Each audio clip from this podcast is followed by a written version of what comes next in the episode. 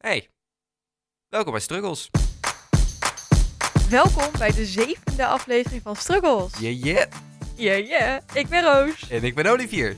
En eh, ja, de zevende aflevering alweer. De zevende aflevering alweer. We zeggen het iedere week, maar het gaat zo ontzettend snel. Ja, het gaat inderdaad heel snel. Nou, deze week gaan wij het hebben over een heel interessant onderwerp, Mhm. namelijk taboes. Ja, taboes. Olivier, wat is een taboe voor jou? Ik heb geen eh, echte definitie hier bij me, maar ik kan wel eh, uit mijn eigen woordenboek de betekenis van taboe vertellen. De dikke van Olivier. Dikke van Olivier. Oké, een taboe is een onderwerp wat niet wordt besproken. Eh, Dat kan meerdere redenen hebben. Het kan een soort van schaamte omzitten. Het kan een ongemak hebben. Eh, het kan ook een beetje riskant zijn om over te praten. Het is in ieder geval een zaak dat door eh, maatschappelijke redenen niet wordt besproken. Dat vind ik een goede omschrijving. Dankjewel. Ja. Het kan er best soepel uit, moet ik zeggen. Ja, zeker. Dat eh, heb je goed gedaan. Dankjewel. En ik ben het er wel mee eens, ja. Nog iets om aan te vullen? Nee, eigenlijk niet. Het is vaak een beetje gênant om het erover te hebben. Mm. Mensen hebben er vaak een bepaalde mening over, of die vinden het ongemakkelijk om erover te praten. En daardoor hangt er een taboe overheen. Ja. Heb jij zelf onderwerpen waarvan je denkt van, goh, daar wil ik het echt niet over hebben? Als je op de koffie gaat bij de buurman, Ik zeg wou net maar. zeggen in de podcast of gewoon in mijn dagelijks In leven? je dagelijks leven. Eh, nou ja, de koffie bij de buurman zijn gewoon bepaalde zaken die niet interessant zijn voor ons beiden om het over te hebben. Nou ja, een van de grootste voorbeelden van de taboes is natuurlijk seks. Eens. Ja, Wat eigenlijk niet nodig is, vind ik. nee. We Kijk. doen er allemaal wel heel geheimzinnig en spannend over. Ja. Kijk, het is natuurlijk iets heel erg privés. Dus inderdaad, je hoeft het niet aan je buurman of aan je opa of oma te vertellen. Hmm. Maar het is niet iets. Kijk, als je, het, als je over seks begint, zijn er nog steeds heel veel mensen die wel ongemakkelijk dichtvallen en die gewoon niet zo goed weten wat ze moeten zeggen. Dat vind ik niet nodig. Ik snap het wel. Maar ik denk gewoon dat het hele geheimzinnige van oeh, je mag er niet over praten. Ja, scheid eraan. Ja, gewoon lekker, lekker, lekker doen. Eh, bij de juiste persoon natuurlijk. Niet iedereen zult op wachten. Ik zelf ook niet. Eh, Nee. Zeker op de familie. eh, of op de familieverjaardag heb ik er helemaal geen zin in. Maar ik denk dat we er niet zo spannend over hoeven te doen. nee, daarom. En ik denk dat dat het vooral is bij taboes. Het is er en het hangt eroverheen, maar het is niet nodig. Betekent niet dat je dat gelijk moet bespreken. Zeker niet. Het hoeft ook helemaal niet. Maar we hoeven er niet zo, niet zo te doen alsof het niet bestaat of zo. Nee, precies. Dat gebeurt heel vaak wel een beetje met taboes. Hè? Hmm, Mensen proberen een beetje, nou, bijna te ontkennen dat het een ding is. Ja, Dus er zo omheen te praten dat het niet eh te sprake valt, inderdaad. ja. Heb jij nog een leuk voorbeeld van een taboe? Ik heb wel een leuk voorbeeld van taboes, ja. Yes. Een taboe voor mij is heel erg ehm, onzekerheid. Hmm, Ik weet niet waarom, maar het is gewoon iets heel erg persoonlijks. En eh, nou, nu kan ik natuurlijk alleen maar voor mezelf spreken, maar ik probeer altijd uit te stralen dat ik heel zelfverzekerd ben, dat ik heel sterk in mijn schoenen sta. Terwijl dat natuurlijk lang niet altijd zo hoeft te zijn. En ik vind het toch wel echt een dingetje om het daar zomaar over te hebben. vind ik een hele mooie. Dus ja, Sluit ik me ook wel bij aan. Ik probeer altijd heel, eh, heel eh, lekker in mezelf over te komen. en Heel smooth en zo. Maar soms voel je dat niet zo. Nee, precies. Eh, het is toch best, best spannend om het daarover te hebben. Ja, en dan wil je een beetje inderdaad negeren dat het er is en doen alsof het niet Ja. bestaat. Klopt. En daardoor is het juist lastiger om het met anderen te bespreken. Ja, want dat zijn ook taboes. Maar mentale gezondheid ook. En ik denk Ja. dat dat voor, voor de meeste mensen misschien nog het grootste taboe is. Hoe praat je daarover? Waarom praat je daarover? Ik denk dat dat twee interessante vragen zijn om het over te hebben. Ja, zeker. Want nou ja, zeker mentale gezondheid voor pubers is best een groot onderdeel van je leven. Je, je groeit, je komt jezelf eh, meer tegen. Je leert jezelf kennen, je leert je grenzen kennen. Eh, je gaat een beetje leren wat je wil en waar je bij wil horen. En ik denk dat vooral, dat dat echt wel een zoektocht is. Eh, en soms zit je gewoon niet goed in je vel. Hoe ga Ja. je daar dan mee om? Ja, ik denk dat de puberteit is echt een heel dubbele periode. Aan de ene kant is het echt de beste tijd van je leven, want je bent nog jong, je kan alles nog. Je hebt heel veel vrijheid. Maar aan de andere kant is het ook gewoon zo'n verwarrend moment. Hmm, Want alles verandert, jij verandert, de mensen om je heen veranderen. Je ontmoet nieuwe mensen, misschien verlies je wel mensen. Dus het is gewoon zo'n gekke tijd eigenlijk. Ja. Alles verandert. ja. En dat kan best lastig zijn. Dat kan best wel eh, invloed hebben op je mentale gezondheid, inderdaad. Ja, en zeker als het niet zo goed gaat mentaal. Hoe ga je daarmee om? Ja, dat is een goede vraag. Dat is per persoon natuurlijk heel erg verschillend. Dat de sowieso. een die zoekt juist graag hulp en die wil graag oplossen en die heeft door van dit kan niet langer op deze manier. Terwijl de ander dat juist heel erg lastig vindt en ja, het een taboe vindt om het erover te hebben. en het allemaal voor zichzelf houdt. Ja, volgens mij wordt daar per jaar meer aandacht aan besteed, ook op scholen. Dat denk ik ook wel, ja. Want dat is, nou ja, ik hoop dat je dat voor iedereen die luistert, dat meekrijgt in de opvoeding, dat je overal over moet praten. Ja. Want dat is hoe je daaruit komt. Ja, het is heel lastig, maar dat is wel de enige manier. Ja. En ik denk dat we ook met alle zekerheid kunnen zeggen dat iedereen zich wel kut voelt. Ja, zeker. Niet elke dag is een tien. Ik heb een keer gehoord van eh, een meisje, die eh, zat ook best wel met haarzelf in de knoop. Mhm. En ehm, nou, dat liep uiteindelijk behoorlijk uit de hand. Dat eh, ging best wel de verkeerde kant op. En toen vertelde een vriendin, ja, een vriendin van haar, zeg maar, tussen aanhalingstekens. Oh, iedere puber die voelt zich kut hoor. Ehm, terwijl zij gewoon echt depressie had. Ja. Dus ehm, iedereen gaat natuurlijk door vervelende periodes heen. En voor niemand is het altijd makkelijk.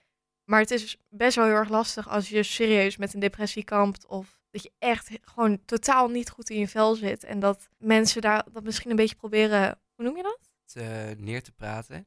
Want jouw problemen zijn, oh, dat hebben wij ook hoor. Dus dat is Ja. niet zo groot. Precies, een beetje te denigreren. Ja, Ja, demigreren, dat is een mooi woord. ja dus. ehm, en dat maakt het wel nog moeilijker om zeg maar uit die put te komen. Ja. Soms is het heel erg fijn als iemand de antwoorden heeft en kan zeggen van, hé, maar dit hebben meer mensen, het komt goed. ja, Dat heeft mij altijd wel heel erg rust gegeven. ja, Dat ik me soms vervelend voelde dat ik dacht van, ja, maar meer mensen hebben dit, ik ben niet de enige. Dat was voor mij ja. best wel erg belangrijk als ik nu terugdenk. Ik weet niet zo goed waarom.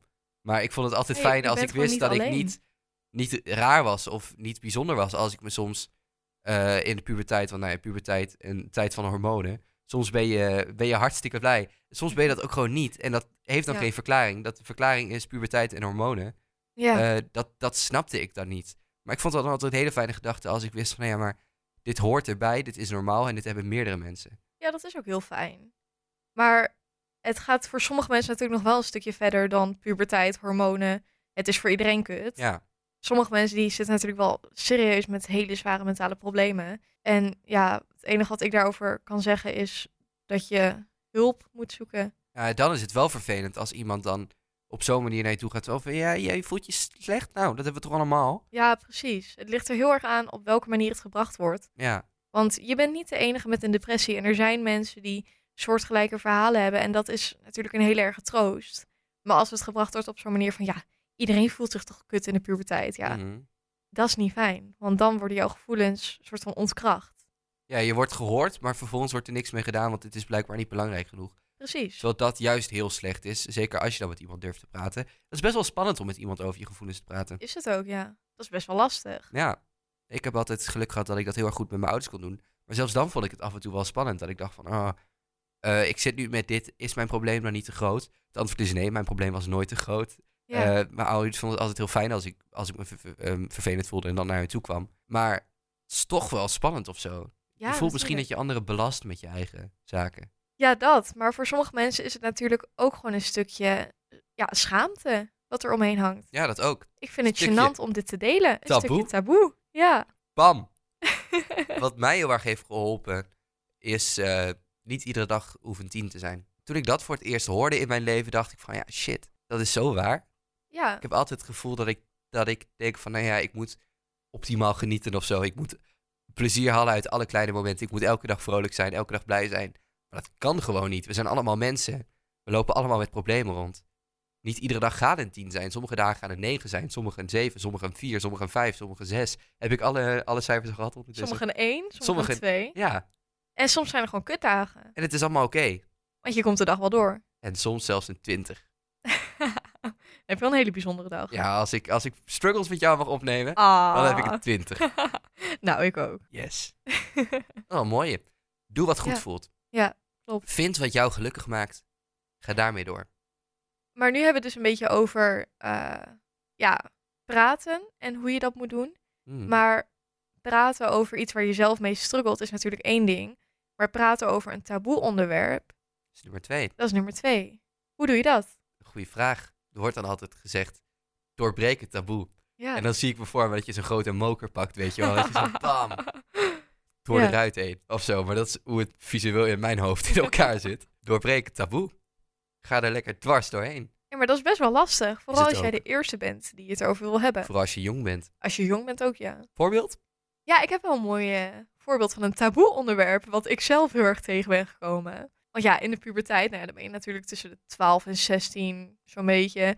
Mhm. En als meisje zijnde, of als iemand met een baarmoeder zijnde, word je natuurlijk een keertje voor het eerst ongesteld. En ehm, nu had ik altijd al zoiets van, ja, waarom doen we daar zo moeilijk over? Want alle vrouwen worden ongesteld. Maar toch durfde ik het er de eerste, het eerste jaar of de eerste twee jaar of zo echt totaal niet over te hebben. Ik dacht van, ja, dat is toch super ongemakkelijk om het daarover te hebben. En toen op een gegeven moment ben ik het gewoon een keertje gaan doen. Ik zei gewoon tegen vriendin van, goh, ik heb zoveel buikpijn, ik ben zo ongesteld. En ik merkte dat zij er eigenlijk ook best wel open over kon praten als je er eenmaal over was begonnen, zeg maar. Dus wat er wordt gezegd, klopt eigenlijk wel. Praat er gewoon over Ja. en dan doorbreek je de taboe. Gedeelde smart is halve smart. Precies. Maar dat is wel lastig om dat Was het te spannend doen. om voor het eerst daarover iets over te zeggen? Jawel, ja. En dan is het ook niet zo dat als je één keer hebt gezegd van ik ben ongesteld, dat het daarna nooit meer ongemakkelijk is. Het hoge woord is eruit. Nu kan ik voor de rest van mijn leven over praten zonder problemen. Nee, zo gaat het niet. En dat, eh, ja, om het dan, zeg maar, hoe vaker je erover begint, hoe makkelijker het uiteindelijk wordt natuurlijk. Maar tot mijn zestiende praatte ik echt niet over mijn ongesteldheid hoor. En ik denk dat heel veel andere meisjes, eh, ja, ik praatte er wel over met vriendinnen of met mijn moeder bijvoorbeeld. Mhm. Maar echt niet met een man of met iemand die ik amper kende. Ja. En dat is tegenwoordig wel gewoon makkelijker geworden. Waarom denk je dat dat nu minder moeilijk is? Nou, aan de ene kant heb ik er gewoon scheid aan. Ik bedoel, iedereen met een baarmoeder wordt ongesteld. En dat is letterlijk een teken van vruchtbaarheid. Dus dat is eigenlijk iets heel erg moois en iets heel erg natuurlijks. Dus waarom zou het er zo moeilijk over doen? Kijk, ik ga echt niet iedere keer dat ik ongesteld ben aan iedereen vertellen van... Goh, ik ben ongesteld, wist je dat? Maar het is niet iets wat je hoeft te verbergen. Nee. Ik denk dat dat met een... Ik denk dat je nu mooi alle, alle taboes samenvat.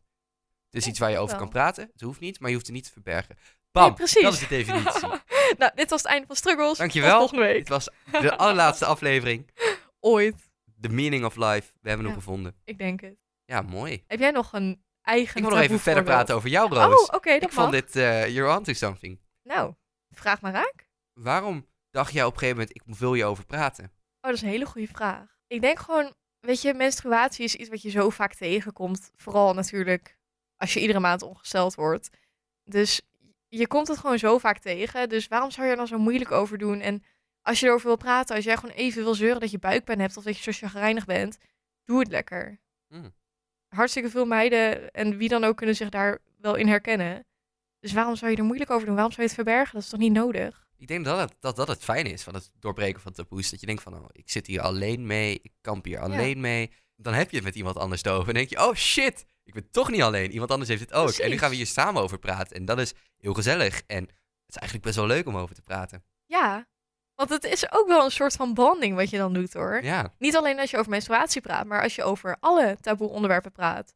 Want jullie praten samen over iets wat eigenlijk niet kan. een beetje spannend is. Ja, en dat, dat vormt wel een band. Ja, dat doe je ook niet per se gelijk heel zomaar. Nee. Ja, Nou, nu ben ik wel heel benieuwd naar jouw taboe onderwerp. mijn taboe. Ja, wat ben jij eh, tegengekomen? Een taboe waarvan jij dacht, dit moet ik doorbreken. praat over gezondheid, denk ik.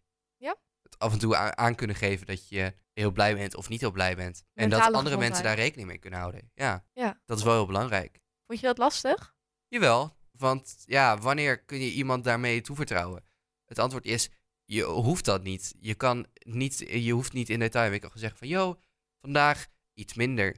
En dat moet normaal zijn. En dat is het momenteel nog niet helemaal. Ook als je Nee. kijkt naar de statistieken, zeker sinds corona. Ik heb eh, het even opgezocht.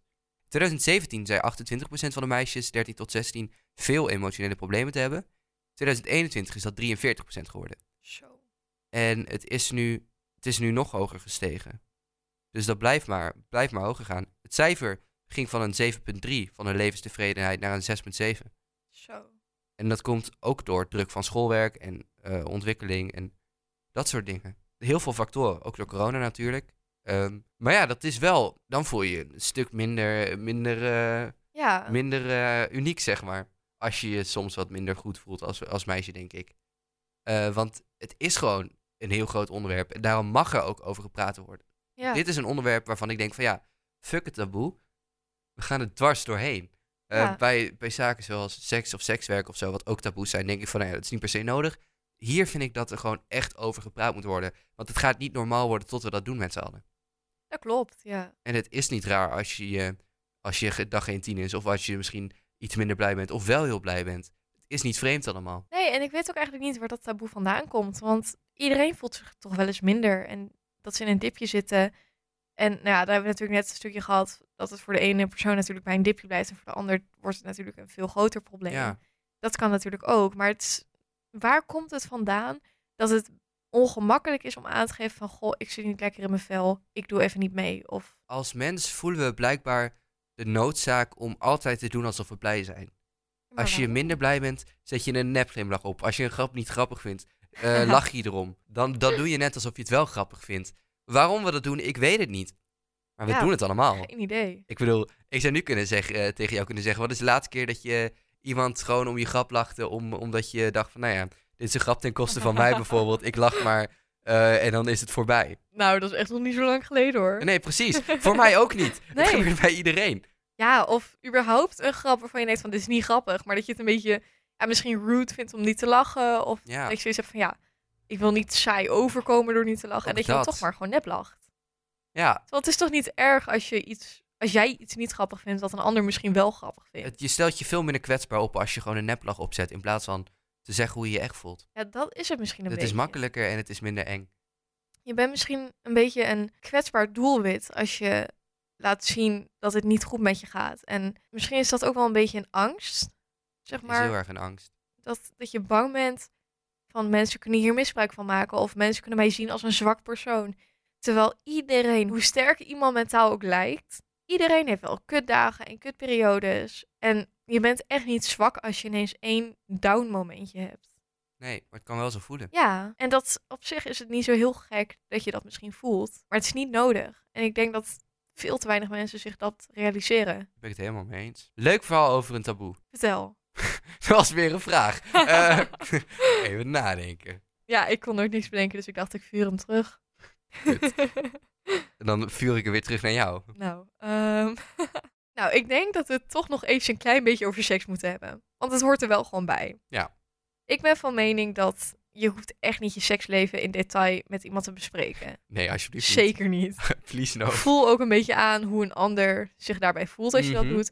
Want het is gewoon iets heel erg persoonlijks en heel heel erg iets tussen jou en de persoon waarmee je dat doet. Ja, en bepaalde onderwerpen hoef je ook niet te, te weten. Je, Nee. Soms wil je niet weten hoe een persoon dat ervaart. Of Nee. eh, wat voor gevoel zij daarbij krijgt als ze die jongen weer ziet. Dat hoeft allemaal niet. Precies.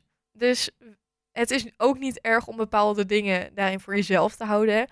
Maar ik vind wel dat het geen ongemakkelijk gesprek zou moeten zijn. En dat het ook niet... Want nu als je begint over seks, dan kijkt iedereen ineens op van... Goh, ga jij nou over seks hebben? En ik vind niet dat dat nodig zou moeten zijn. Nee. Want het is iets wat, waar iedereen mee te maken heeft. En dat kan met een man zijn, met een vrouw zijn, met jezelf zijn. eh, als het maar geen dier is, zeg maar. goed, eh, goed detail, ja. Ja, nee. Ik en dat zou normaal moeten kunnen zijn. ja Sowieso. Eh, geaardheid. is ook nog best wel een Geaardheid ook wel een groot taboe. Zeker in bepaalde kringen. Heel erg. In mijn gezin heeft dat nooit uitgemaakt. Ik mocht eh, ook gewoon in een prinsessenjurkje eh, door het huis lopen zonder problemen met mijn hakjes. Ah, Eh, want ja, ik hield wel verkleden. ja. Dat maakte mij niet uit of ik Peter Pan was. eh, of Tinkerbell. eh, of, of Tinkerbell. Ja, dat maakt mij niks uit. Ah, dat is wel heel goed. Ja, dus dat, dat zijn de kleine dingen waarvan ik denk van ja, dat wil ik later sowieso ook meegeven mocht ik kinderen krijgen in Ja. hun opvoeding. Ja, Maakt niet uit wat je, wat je bent, wat je doet, wees jezelf. Ja, ik heb dat inderdaad ook altijd wel heel erg gehad, gelukkig. Mijn ouders die waren altijd heel erg accepterend en heel erg als, zeg maar, vanaf het moment dat we heel jong waren al, mijn broer en ik, waren ze al heel erg als het woord homo of lesbisch of whatever viel, dan waren ze heel erg, al had het niks met ons te maken, van, maar het is niet erg als jullie lesbisch of homo zijn hoor. Dat mag. Heel erg dat veilige gevoel in ons Ja. planten van, dat is niet erg en je mag jezelf zijn. En nou ja, hetzelfde geldt natuurlijk voor transgender en voor alles in de LHBTI plus gemeenschap. Mhm. Ik ben daarin heel veilig opgegroeid. Maar er zijn wel heel veel mensen die dat niet hebben. Ja, en dat is wel eng. Als ik dat van eng. sommige vrienden en vriendinnen hoor. Ja, Want dat is echt, nou ja, dan, dan weet je uiteindelijk zelf wie je bent. En dan moet je dat daarna nog aan de wereld vertellen blijkbaar. Want jij bent anders. Terwijl eigenlijk is dat gewoon iets van jou. En hoef je dat niet te delen totdat jij Ja, je er klopt, maar ik vind het woord anders ook zo stom. Ja, je bent niet anders. Nee, niemand is anders. Je bent er gewoon of allemaal iedereen mens. is anders. Iedereen is anders van elkaar. Dat is, ja, dat is je, je persoonlijke filosofie eh, natuurlijk. Dat mag je lekker zelf bepalen. of iedereen is, iedereen is mens of iedereen is uniek. En dat is allebei zo. Ja. En het Ja, is dat ook allebei de bedoeling. Ja, En laat dat het is daarin je waarde. Hoe saai zou het zijn als iedereen hetzelfde was? Ja, nou, ja, dat is de vraag. Iedereen hetzelfde als wie? Als we allemaal dan één heel interessant persoon zijn, dan zou het misschien wel eh, spannend worden. Maar ja, Ja, Nee. dat wel. we zijn allemaal Nou, anders nee, dat denk ik ook niet. Want dan heb je totaal geen afwisseling. Dan ontmoet je geen nieuwe mensen. Dat is toch saai? Ik zou niet op de wereld willen leven met allemaal olivier. Nee, ik ook niet met allemaal roos. Allemaal. Ja, Wat is er meervoud van roos? Ro rozen? rozen. Rozen, met allemaal rozen. Olivieren. Oliviers. Olivijf. Oliviertjes. Roosjes. Ah, dat vind ik heel schattig klinken. Allemaal roosjes. Alle roosjes. Maar ja, daar zou gewoon geen taboe omheen moeten zitten. Wat er nog wel zit. ehm, iemand kan zeggen dat hij op, op, op meisjes valt en er wordt niet raar opgekeken. Maar zodra een jongen zegt dat hij op mannen valt, wordt dat in sommige kringen nog wel gedaan. Ja, En ik vind dat echt heel toxic. dat is het ook. En het is, ik moet heel eerlijk zeggen, ik wist dat helemaal niet dat dat nog steeds zo was. Maar een homostel of een lesbisch stel of een transgender iemand, die kan nog steeds niet veilig over straat zonder nageroepen te worden. Als twee mannen hand in hand over straat lopen, worden ze nog steeds nageroepen. En ik wist helemaal niet dat dat nog steeds zo'n probleem was, omdat ik heb daar niet heel veel mee te maken. Ik ben zelf heteroseksueel, dus ik zie dat zelf niet zo snel. Maar als ik dat dan hoor van iemand om me heen, dan schrik ik daar wel van. Dat dat nog steeds zo. Ja, Dat er nog steeds zo'n taboe overheen hangt. Ja, dat is gewoon echt het geval. Ja, dat is echt heftig. Is het ook. En ik vind het vooral heftig dat sommige mensen dat gewoon echt niet kunnen accepteren. Ja, waar komt dat vandaan? Ik, Nee, ik snap dat was echt een, niet. er- Ik heb ooit een jongen gesproken. En die heeft mij met een lach op zijn gezicht verteld dat zijn broer een keer een... Dit is wat hij zei, hè? Ja, mijn broer heeft een keer een homo geslagen. En ik keek hem aan. Ik zei... oh, ik, weet, ik wist niet wat ik moest zeggen. Nee, tuurlijk. Dit was ook een paar jaar geleden. Dus nu had ik sowieso al sneller gezegd van... Ja, wat, wat, wat zeg jij nou weer? Dat heb ik toen uiteindelijk ook gezegd. Maar minder snel. Want ik was gewoon verbaasd dat dat soort mensen bestonden. Ja, natuurlijk. Ik zei, "Oh, wat bedoel je? Ja, een homo, weet je wel. Ja. Ja, hij fietste langs. Dus toen heeft mijn broer hem geslagen. Jeetje, what the fuck. Nou, dat was dus een moment van word wakker uit de droomwereld waar iedereen zichzelf kan zijn. Ja. Want dat is niet hoe het is. De realiteit is veel harder dan dat. Kijk, ik snap dat als jij cisgender bent en je bent hetero, dan zijn dingen, sommige dingen misschien een beetje moeilijk voor je te begrijpen. Vooral als jij dat niet in je opvoeding hebt meegekregen. Ik snap wel dat niet iedereen ja, begrip voor elkaar heeft daarin. Maar je moet elkaar wel gewoon kunnen accepteren. Als ik tegen iemand zeg van nou, dit is mijn seksuele voorkeur. Dan heb je dat maar gewoon te accepteren, want dat is iets van mij. Ja, En als ik dat aan jou vertel, prima, dan wil ik dat met je delen. Maar dan heb jij daar verder niks over te zeggen. daar ben ik het mee eens. Je moet gewoon respect hebben voor elkaar. Het lastigste aan het verhaal wat ik net vertelde, is dat als ik dit aan iemand anders zou zeggen die eh, homo of lesbi is, of transgender is, of, of iets anders, eh, die zich misschien soms daardoor buitengesloten voelt, die is dan zeggen van ja, dat is gewoon hoe het is voor mij. Ik kan me dat niet voorstellen, omdat ik hetero ben. Zo'n klein verschil, mijn geaardheid maakt dan blijkbaar zoveel uit voor anderen. En dat kan ik gewoon niet voorstellen, omdat ik echt uit een luxe positie praat. Ja, maar dat is wel, Dat is wel vreemd, hè? dat is heel gek.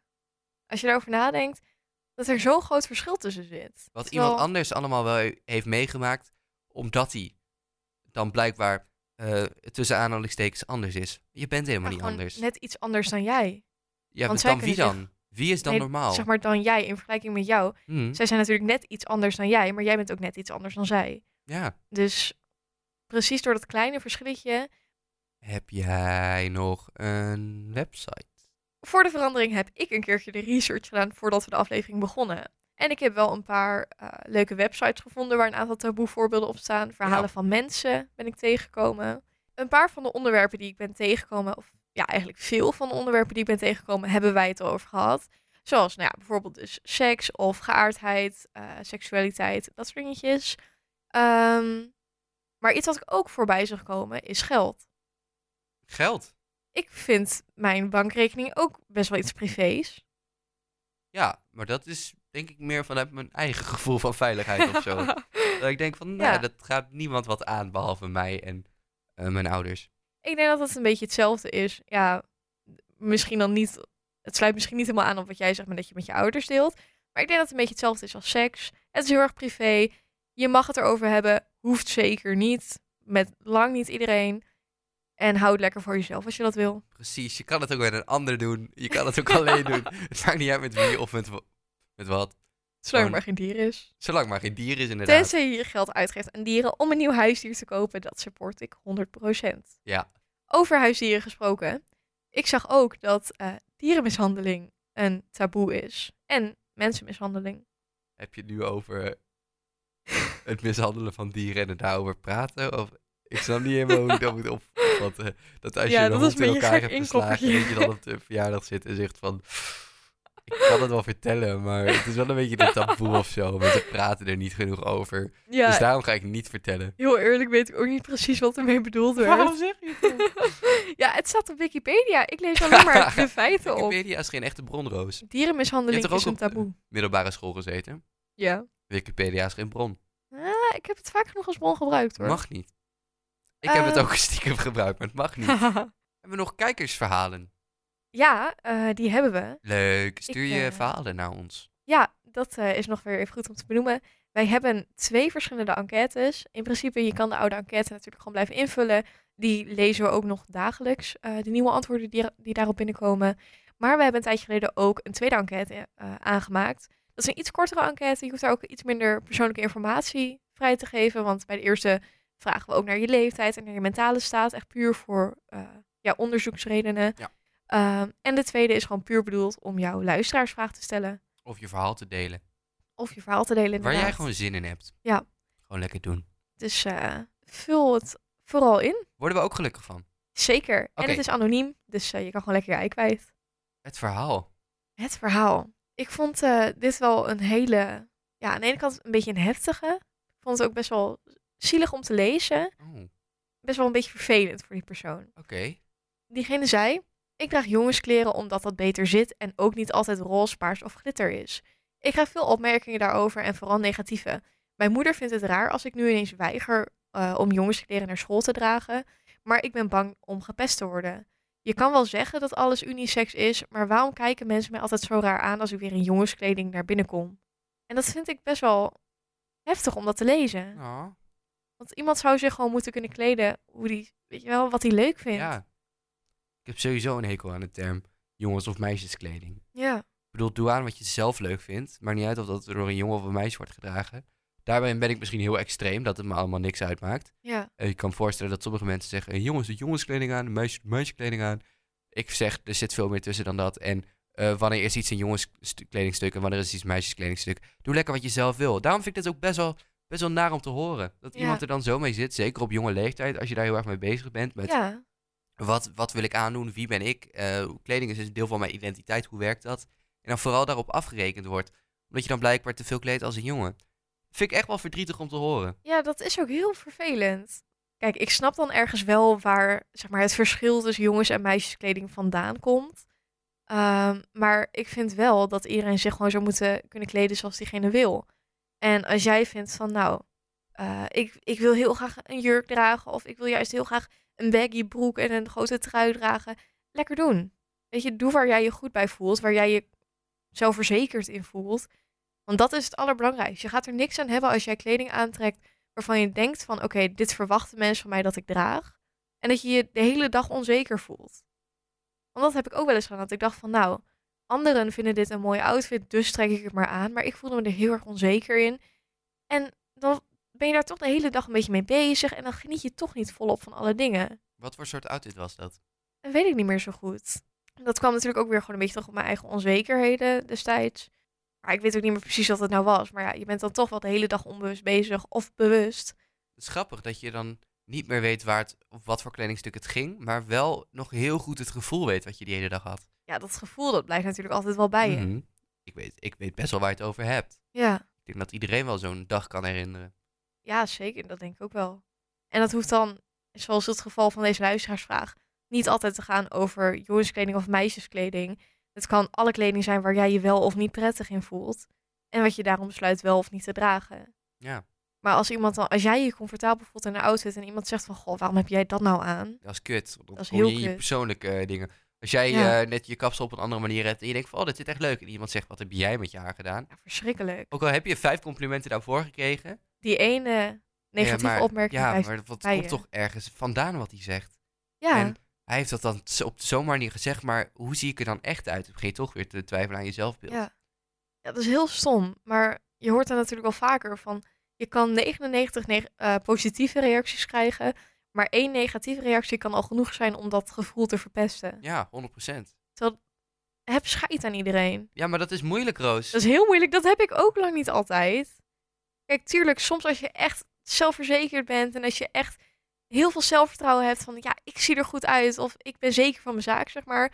Tuurlijk, dan kan je scheid hebben aan mensen en dan boeit het je oprecht niet. Je hebt soms van die dagen dat je denkt van, oké, ik zie er echt gewoon nice uit. Dit is mijn dag. Ja, Iedereen die in mijn buurt komt van, yo, ben op de hoogte. Dit is mijn moment. Ik, I'm, I'm, I'm- in my zone. This is my flow right now. ja. En dat zijn geweldige dagen. Ja. Heerlijk. Maar ja, dan heb je natuurlijk ook de dagen waarvan je denkt van, eh, ik twijfel een beetje. Is dit leuk? Is het niet leuk? Sta ik hier achter of sta ik hier niet achter? Of misschien twijfel je helemaal niet, maar ben je er gewoon net iets minder zelfverzekerd over. En dan kan inderdaad één negatieve reactie al genoeg zijn om dat muurtje om te duwen. Ja. Dat is wel lastig. Dat was heel lastig. Want zeg Dus- er maar eens wat van. Ehm, mijn advies, hoe lastig het ook is, blijf bij jezelf. Dat is het allerbelangrijkste. Wees jezelf. Eh, als dit goed voelt voor jou, blijf dat doen. Hoe, hoe moeilijk het soms ook is en hoe gevoel dat je hebt dat anderen daar wat van vinden, maakt niet uit. Wees jezelf. Dat is zoveel belangrijker dan wat anderen van je vinden. Klopt, ja. En als je denkt van, nou ja, ik wil proberen om me anders te kleden, is ook helemaal goed. Maar als je dat niet goed voelt, blijf doen wat, wat bij jou hoort. Dat is het allerbelangrijkste. Ik heb nog eh, één wel hele interessante luisteraars ja, verhaal gekregen. Wederom Oké. een verhaal, geen vraag. Eh, en die vind ik ook wel bij dit onderwerp passen. Op school heeft iedereen het gevoel dat je erbij moet horen. Er wordt extreem duidelijk gemaakt of je er wel bij hoort of niet. Maar de perfecte mensen is ook gewoon schijn. Zij hebben uiteindelijk hun problemen. Door andere mensen te wijzen op hun fouten en gebreken, voelen zij zichzelf beter. Zeg maar de pestkoppen die dat dan aanwijzen. Mhm. Terwijl zij net zo goed mensen zijn en net zo goed fouten maken. Onze fouten maken ons menselijk en niet verkeerd. En dat vind ik ook wel eentje om over na te denken. Ja, zeker. Want als je wordt aangewezen op je fouten, heel veel mensen voelen zich dan wel aangevallen. Ja, het voelt persoonlijk of zo. Ja. Terwijl het helemaal niet zo is. Soms is dat moeilijk. Soms denk je van, nou ja, ik, ik, ik vind het al spannend om te doen. En als iemand me daarop gaat corrigeren, is het nog spannender. Ja, Soms denk je dat je iets heel goed hebt gedaan. Het is toch vervelend, want je denkt van, oh, ik heb iets verkeerds gedaan. Maar het is zo menselijk. En we maken Ja. elke dag fouten. ja en je wordt er alleen maar beter van. Dat is waarom ze een gum doen aan het einde van een potlood. heel eh filosofie. Heel, hoe zeg je dat? Filosofisch.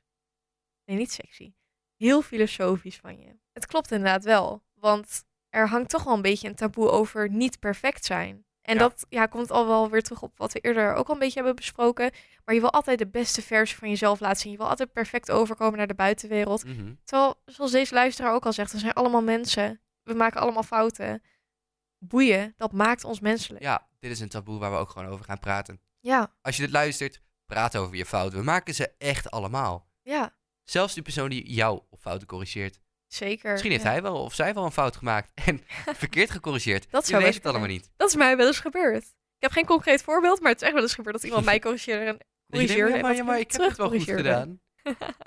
ja, leuk. Ja, dus eh, ja, geef je fouten toe. We hebben eh, mooi, mooi diep gepraat over de filosofie van taboes. Ja, Welke je wel moet doorbreken. Welke gewoon doorbreekbaar zijn bij de juiste persoon. ja, En wat het betekent.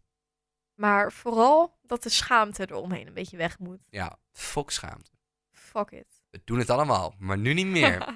Vanaf, vanaf nu spreken we met z'n allen af, doen we het niet meer. ben ik het mee eens. Dan lijkt me dit een mooi einde voor de aflevering. Ja, dan eh, wil ik jullie allemaal heel erg bedankt voor het luisteren. Voor de mooie verhalen. En eh, ja, dat ook natuurlijk. En Olivier, bedankt. En Roos, nog meer bedankt.